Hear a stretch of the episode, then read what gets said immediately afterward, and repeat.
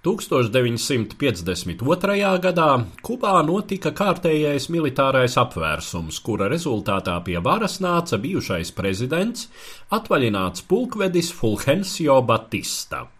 No trūcīgiem lauciniekiem cēlies jau 14 gadu vecumā sācis pelnīt iztiku, 20 gados iestājies armijā, un tad pēc tās augtās seržantu revolūcijas 1933. gadā, kad līdz ar valsts prezidentu tika gāsta arī visa augstākā armijas vadība, īsā laikā kļuvis no seržanta par pulkvedi, armijas štāba priekšnieku un, domājams, ietekmīgāko personu ne tikai armijā, bet bet arī visā valstī.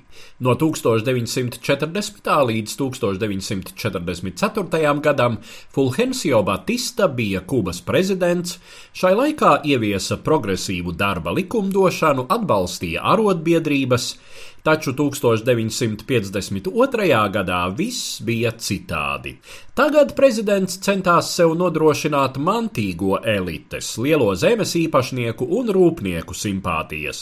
Vēl vairāk tika favorizēts ārvalstu, pirmām kārtām amerikāņu kapitāls, ļaujot investoriem lēti iegūt un eksploatēt Kubas resursus. Valsts kļuva par īstu paradīzi naudīgiem turistiem, kuri te varēja baudīt izpriecas, kurām pašu mājās bija uzlikti likuma groži.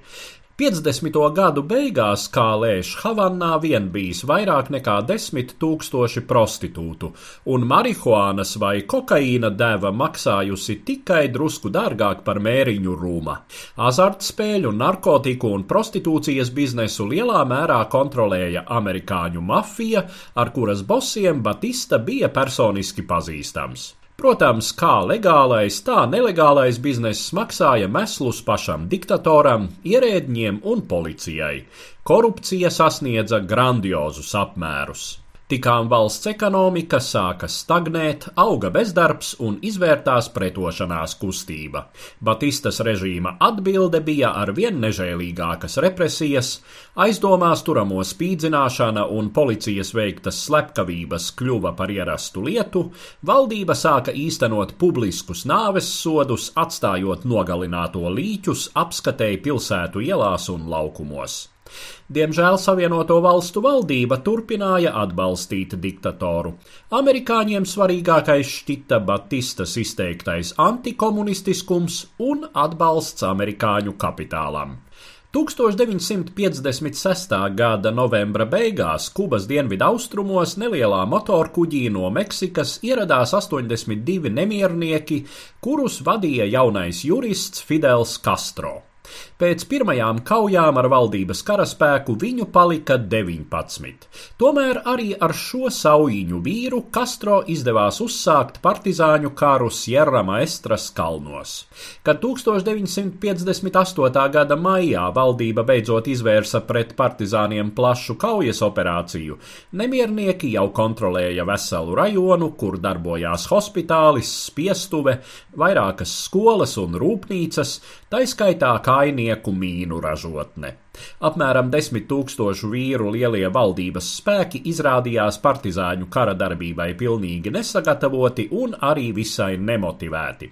Iespējams, lielais skaitliskais pārsvars galu galā tomēr izšķirtu cīņas likteni par labu varai, taču arī operācijas komandieris ģenerālis Kantilja šķiet īsti nebija noskaņots aizstāvēt prezidenta Batistas režīmu. Tikām sabiedriskās domas spiediena iespaidā mainījās arī Savienoto valstu politika.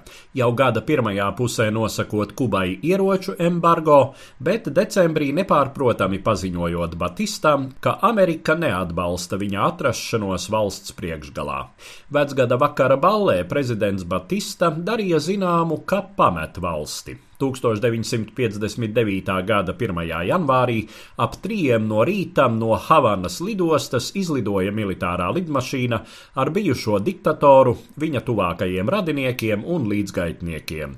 Citā lidmašīnā tai pašā rītā sekoja valdības ministri un citi augstākie ierēģi. Kā lēš līdzi trimdā šī kompānija paķēra no 300 līdz 800 miljoniem dolāru lielu kapitālu. Nākamajā dienā, nesastopot nekādu pretestību, Havanā iemaršēja nemiernieku armija, Kubā sākās jauna ēra, kas gan nenesa valstī demokrātiju un uzplaukumu. Stāstīja Eduards Liniņš.